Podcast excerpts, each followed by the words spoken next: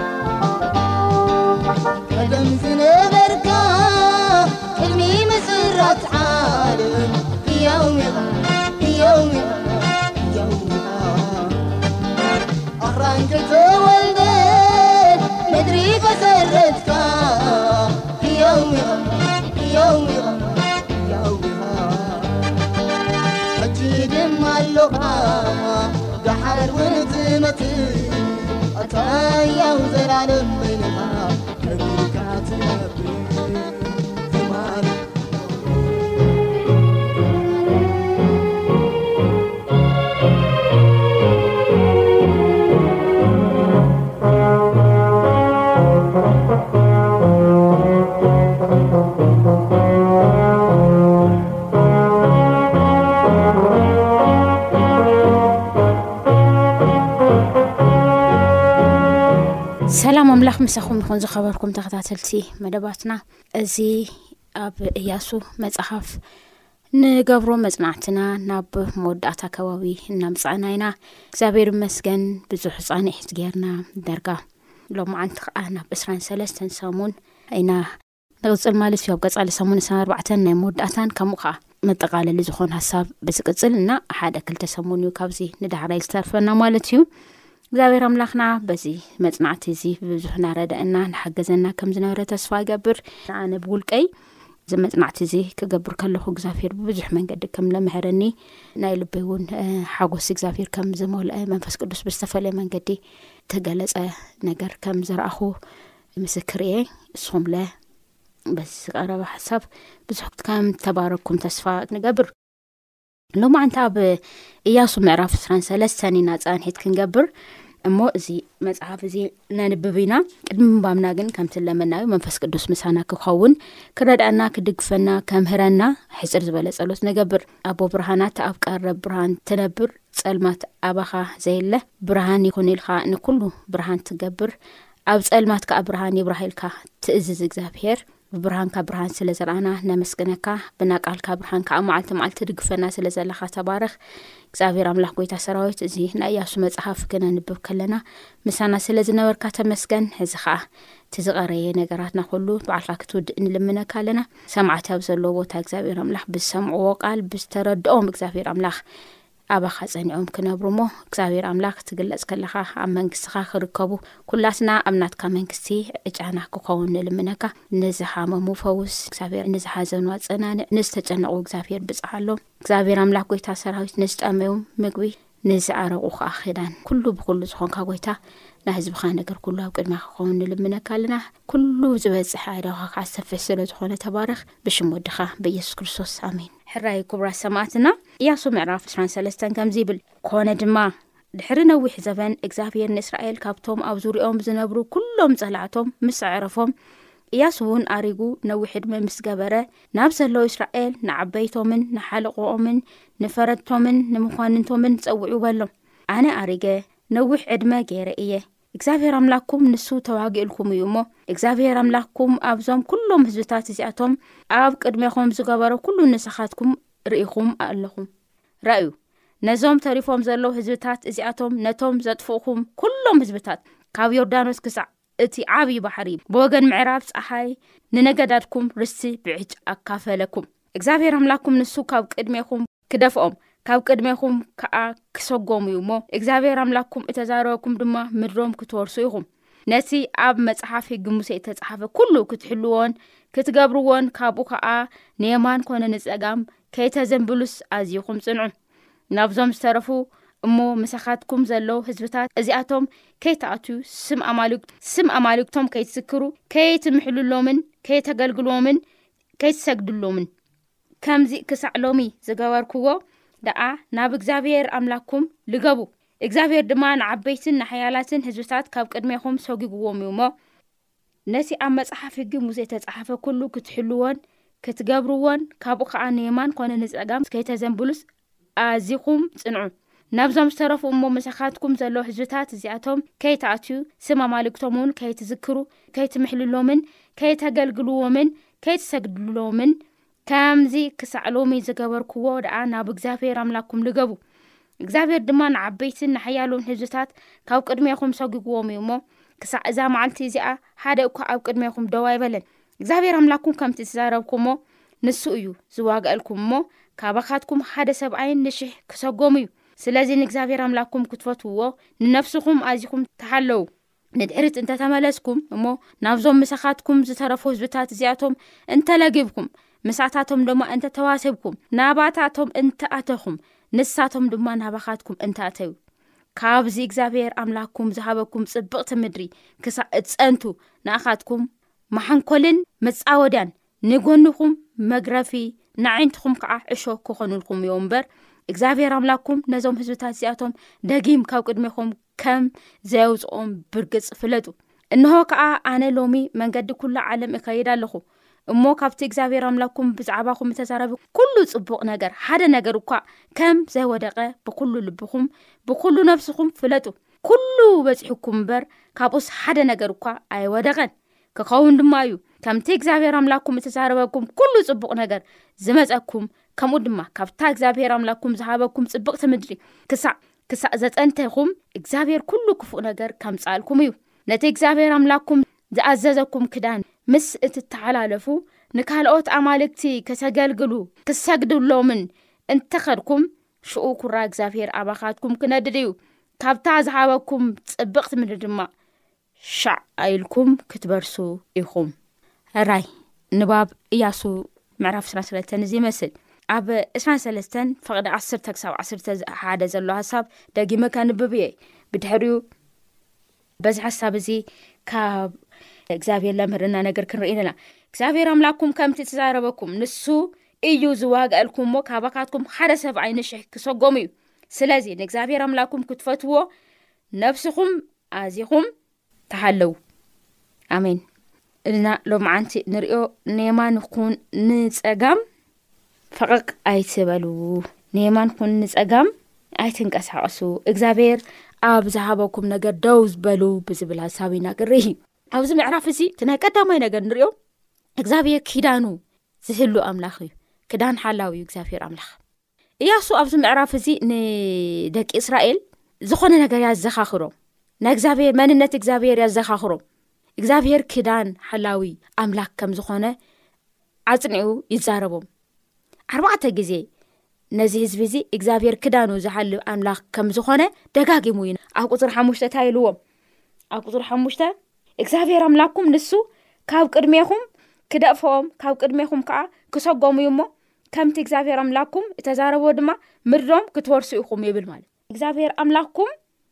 ከምቲ ዝበለኩም ምድሮም ተወርሱ ኹም ኣብቲ ኣብ ማእኸል ከምቲ እግዚኣብሔር ኣምላኩም እተዛረበኩም ድማ ምድሮም ክትወርሱ ኹም እተዛረበኩም ከምቲ ኣምላኩም እግዚኣብሔር እተዛረበኩም ምድሮም ክትወርሱ ኹም ኢሉ ኪዳን እግዚኣብሔር እግዚኣብሔር ኪዳን ሃላዊ ምዃኑ ኣብዚ ይነግረና ማለት እዩ ኣብቲ ቁፅሪ ዓሰርተ ከዓ ካይድና ክንርእ ከለና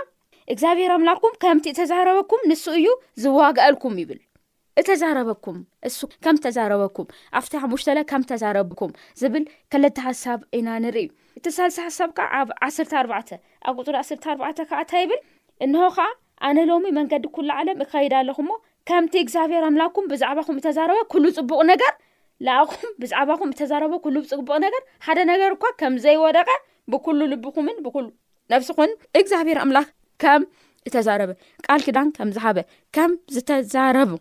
ዝገብር ኣምላኽ ከም ዝኾነ እዚ ይነግረና ፍቕዲ ስርቲ ሓሙሽተ ድማ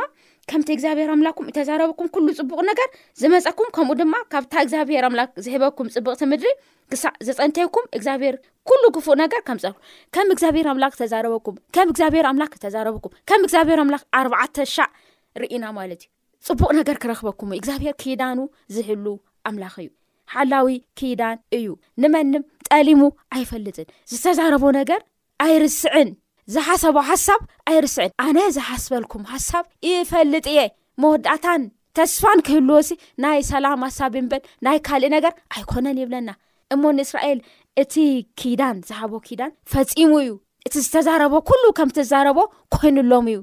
እዚ ኣምላኽ እዚ ሎሚ እውን ኣይተለወጠን እዚ ኣምላኽ እዚ ናይ እስራኤል ኣምላኽ ዝነበረ ሎሚ እውን ናትና ኣምላኽ እዩ ኪዳኑ ዝልውጥ ኣምላኽ ኣይኮነን እሞ ኣምላኽ እስራኤል ናተይ እውን ኣምላኸይ ኪዳንካ ሓሉ ኣባይ ፈፅም ኣባይ ኢልና ንምስ እግዚኣብሔር ክንጠማጥም እዚ ሓሳብ እዚ ይነግረና እቲ ካልኣይ ሓሳብ እግዚኣብሔር ኣምላኽ ንህዝቡ ዝዋጋእ ኣምላኽ እዩ እግዚኣብሄር ኣምላኽ እንታይ ዓይነት ኣምላኽ እዩ ንህዝቡ ዝዋጋእ ኣምላኽ እዩ ካልኣይ ግዜ እያሱ ደጋጊሙ ዝጠቅሶ ሓሳብ እንተልዩ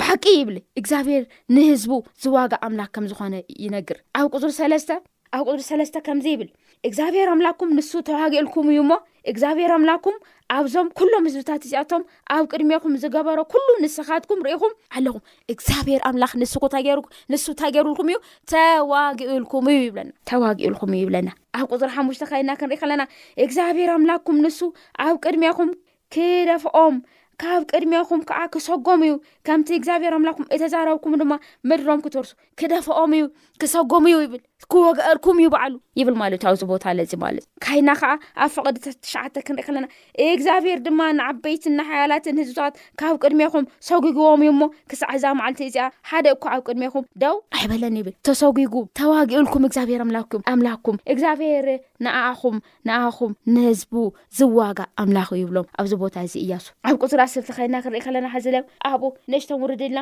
እግዚኣብሄር ኣምላኩም ከምቲ እተዛረበኩም ንሱ እዩ ዝዋጋኣልኩም እሞ ካባካትኩም ሓደ ሰብኣይ ንሽሕ ክሰጎም እዩ ሓደ ሰብኣይ ንሽሕ ክሰጎም እዩ እግዚኣብሄር ኣምላክ ንሱ እዩ ዝዋጋኣልኩም ይብል ማለት እዩ ስለዚ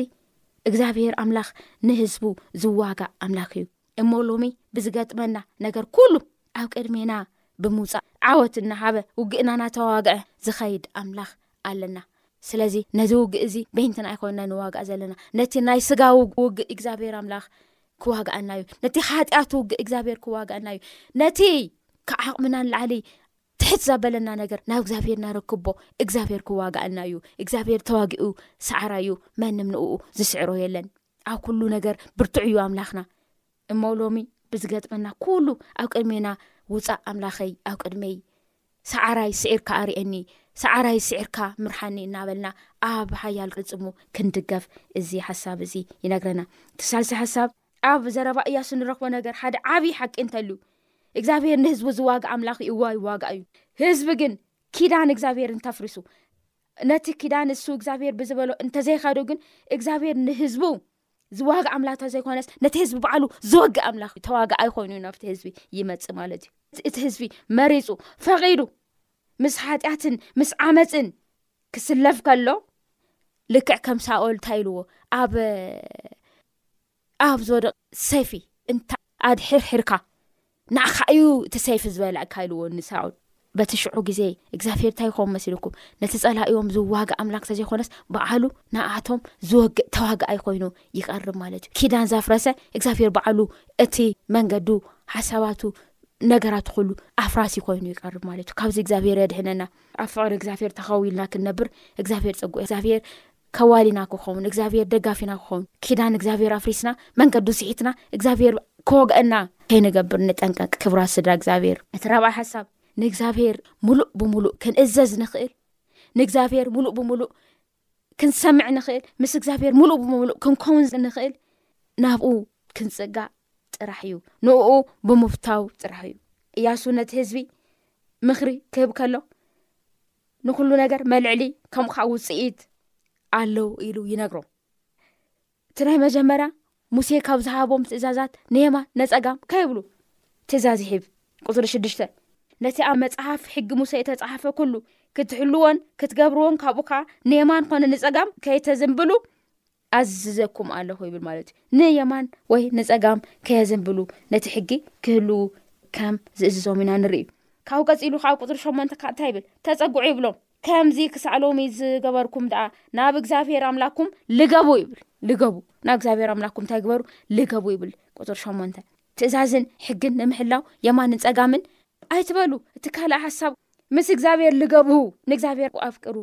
ናብ ዝብል ሓሳብ እዩ ዘና ቁፅሪ ዓሰርተ ሓደ ሕዚ ከዓ መፂእና እንታይ ይብለና ስለዚ ንእግዚኣብሔር ኣምላኩም ክትፈትዎ ንነብስኹም ኣዚኹም ተሓለዉ ይብል ንእግዚኣብሔር ኣምላክ ፍተዎ እቲ ናይ መጀመርያ ካብ ሕጉ የማንን ፀጋምን ኣይትበሉ እቲ ካልእ ሓሳብ ምስ እግዚኣብሔር ኣምላኩም ልገቡ እቲ ሳልሳይ ሓሳብ ከዓ ንእግዚኣብሔር ኣምላኩም እንታይ ግበሩ ፍተዎ ተሓለው ንእግዚኣብሔር ኣምላክ ፍተው ኣፍቅሩ ዝብል ሓሳብ ከም ዝሕብ ኢና ንርኢ ኣብዚ ቦታ እዚ እዞም ሰለስተ ነገራት ኣዚ ዝተዛረብናዮም ክነጽንዖም ከለና እግዚኣብሄር ክንእዘዞ ንኽእል ንኡ ናብኡ ተጸጊዕና እዩ ናብኡ ለጊብና እዩ ብደሓራይ ከዓ እቲ ውፅኢት ከዓ እንታይ እዩ ይኸውን ማለት እዩ ናይ ፍቕርን ናይ ሕብረትን ሓይሊ ኢና ንውስቅ ማለት እዩ ሎሚ መብዛሕትና ማለት እዩ የማን ፀጋም ከይበልና ምትእዛዝ ዝከብደና ሲ ምስ እግዚኣብሄር ስለ ዘይረገብና እዩ ናብ እግዚኣብሄር ዘይረገበ ከዓ ናብ ፀላኢ ወይ ከዓ ናብቲ ናይ ሞትን ናይ መርገምን ምንጪ ናብ ዝኾነ ፀላኢ ምልጋቡ ኣይተርፍም ማለት እዩ እያሱ ነዚ ህዝቢ እዚ እንታይ ይብሎም ነይሩ ናብ እግዚኣብሔር ልገቡ ኮይኑ ግን ነዚ ኩሉ ነገር ሓሊፎም ዘለው ምስ እግዚኣብሔር ለጊቦም ከም ዝኾኑ ምስ ተናገረ እቲ ካሊእ ኣማራፂ ግን ናብቲ ክፉእ ምልጋብ ማለት እዩ ንእግዚኣብሔር እንተ ዘይለግብኩምሲ ናብቲ ክፉእ ኢኹም ትለግቡ ይብሎም ኣብዚ ቁፅሪ ዓሰርተ ክልተ እንታይ ይብሎም ዓሰርተ ክልተ ንድሕሪት እንተ ተመለስኩም እሞ ናብዞም ተረፍ ናብዞም ምሳኻትኩም ዝተረፉ ህዝብታት እዚኣቶም እንተለግብኩም ምስኣታቶም ድማ እንተ ተዋሲብኩም ናብኣታቶም እንተኣተኹም ንሳቶም ድማ ናባካትኩም እንተ ኣተዩ ናበለ ናብ እግዚኣብሔር ዘይለገበ ሰብ ናብ ሰይጣን እዩ ዝለግብ ናብ እግዚኣብሔር ናብ ሰይጣን እዩ ዝጠብቕ እሞ እዚ ሓሳብ እዚ ክንርኢ ከለና ኣብ ኣየንኡ ኢና ለጊብና ዘለና? ህይወትና ናብ መን ዝተጸግዐ እዩ? ናብ እግዚኣብሔር ወይስ ናብቲ ጸላኣይ ጽድቂ ዝኾነ ሰይጣን? ናብ እግዚኣብሔር ዝተጸግዐ ሰብ ካብ ክፍኣት ይርህቕ። ናብ እግዚኣብሔር ዘይተጸግዐ ሰብ ከኣ ናብ ክፍኣት ይጽጋዕ ማለት እዩ። ስለዚ ንእግዚኣብሔር ተጸጊዕኻ ካብ ክፉእ ነገር ኩሉ ንባዕልካ ተሓሎካ ትኸውን ማለት እዩ ኣይ ናብ ክፉእ እየ ተፀገዐ ሰብካ እቲ ክፉእ ናይ ክፍኣት ንጉስ ኣብ ልእሉ ይውጣሓ እሞ ናይ ክፉእ ኩሉ መሳርሒ ኮይኑ ይተርፍ ማለት እዩ ስለዚ ናብ እግዚኣብሄር ንእግዚኣብሄር ክንሰምዕ ንኽእል ንእግዚኣብሄር ክንእዘዝ ንኽእል ንእግዚኣብሄር ክናፍቅሮ ንኽእል ብመንገዱ ክንከይ ንኽእል መኣዝ እዩ ናብ እግዚኣብሄር ክንለግብ ናብ እግዚኣብሄር ክንጠብቕ ናብ እግዚኣብሄር ክንፅጋዕ ከለና እዩ ማለት እዩ ክፉእን ናይ ክፍኣት ነገርን ከኣ ንገብር ካብቲ ክፍኣት መራሒ ካብ ዝኾነ ሰይጣን ብምሕባር ናብኡ ብምጽጋእ ናይ ክፍኣት ንጉሳት ኢና ንኸውን ማለት ስለዚ ኣባየኑ ኢና ኒኤና ሎሚ ምርጫና ክነስተኻኸል እዚ ሓሳብ እዚ ይነግረና እቲ ናይ መወዳእታ ሓሳብ ሞት ናይ ኩሉ ሰብ መንገዲ ከም ዝኾነ እዚ መንገዲ እዚ ከዓ መዓልታዊ መመዓልታዊ ክትዳለው ዝግበኣካ መንገዲ ከም ዝኾነ እያሱ ይነግረና። እያሱ ኣብ ቁፅሪ ዓሰርተ ኣርባዕተ እንታይ ኢሉ እነሆ ከዓ ኣነ ሎሚ መንገዲ ኩሉ ዓለም እኸይድ ኣለኹ እሞ ካብቲ እግዚኣብሔር ኣምላኩም ብዛዕባኹም እተዛረቦ ኩሉ ፅቡቕ ነገር ሓደ ነገር እኳ ከም ዘይወድቕ ብኩሉ ብልብኹም ብኩሉ ነብስኹም ፍለጡ ይብል እነሆ ከዓ ኣነ ሎሚ መንገዲ ኩሉ ዓለም እኸይድ ኣለኹ ይብል ማለት እያሱ ሞትሲ ምስ መንገዲ ገይሩ ምስ መንገዲ የመሳስል ነዚ መንገዲ እዚ ከዓ ዝኸይድ ኩሉ ሰብ ክኸይዱ ካብዚ መንገዲ እዚ ዝቐር ሰብ የለን እንታይ ይብል ሎሚ መንገዲ ኩላ ዓለም ይኸይዳ ናብ ኩላ ዓለም ኩሉ ዓለም ኣብ ምድሪ ዘሎ ኩሉ ዝኸዳ መንገዲ ኣነ ይኸዳ ዘለኹ ክብል ከሎ ኢና ንርኢ እሞ ሞት ከዓ ከም መንገዲ እንተርኢና ዝኾነ ይኹን መንገዲ ሕማቕ ይኹን ፅቡቕ መንገዲ መንገዲ እቲ መንገዲ ንሱ ፅቡቕ መንገዲ እዩ ሕማቕ መንገዲ እዩ ኢልና ክንፈርድ ዝገብር ካብቲ እቲ መንገዲ ቅድሚ ምውፃእና እንገብሮ ምድላው እዩ ነቲ መንገዲ ፈሊጥና ነቲ መንገዲ ዘብቅዕ ነገር ኣብ ኢድና ማሓዝና እዩ ነቲ መንገዲ ሕማቕ እዩ ወይ ፅቡቅ እዩ ኢልና ክንመርፅ ወይ ከዓ ዝገብር ማለት እዩ እቲ ቅድሚ እቲ መንገዲ ምኻና ዝንገብሮ ምድላው ማለት እዩ ስለዚ ዝመውት ሰብ እውን ካብ ቅድሚ ሞት ቅድሚ ሞት ንባዕሉ ከዳሉ ኣለዎ ተዳልዩ እንተሃልዩ እቲ መንገዲ ወይ ቀሊል ይኸውን ማለት እዩ እንተዘይተዳልዩ ግን ከቢድ ይኸውን ማለት እዩ ንሞት ምድላው ዝጠቕመና እቲ ዓብይ እቲ ዓብይ ምድላው እዚ እዩ ትንሳኤን ሕይወትን ኣነ እየ ኣብ ዮሃንስ ዓሰርተ ሓደ ዝበለ ጐይታና መድሓና ኢየሱስ ክርስቶስ ኣብ ሩባ ርባ ድነ ሞት እንተኸና ኸዓ ካብ ሞት ዝበልፅ ሕይወት ስንፋስ ዝሕብ ጐይታና መድሓና ኢየሱስ ክርስቶስ ብሕይወትና ምሳና ኪጕዓዝ፣ ብመንገድና ምሳና ኪኸይድ፣ ምስኡ ምልጋብ፣ ምስኡ ምጕዓዝ፣ እሱ ናብ ዝበለና ቦታ ምብጻሕ እዩ እቲ ሓደን እቲ ዋናን ነገር ማለት እዩ።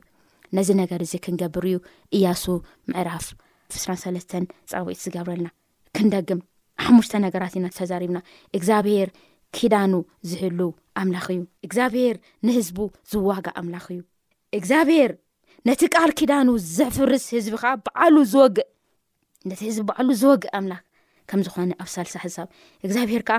ብምሉእ ልብና ብምሉእ ሓሳብና ብምሉእ ነፍስና ክንእዘዝ እንኽእል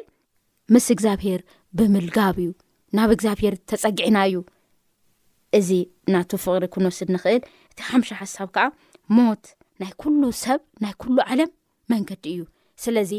ብጎይታና ብምድሓና ብየሱስ ክርስቶስ ብምእማን ሞትን ትንሳኤን ኣነ እየ ናብ ዝበለ ጎይታ ብምልጋብ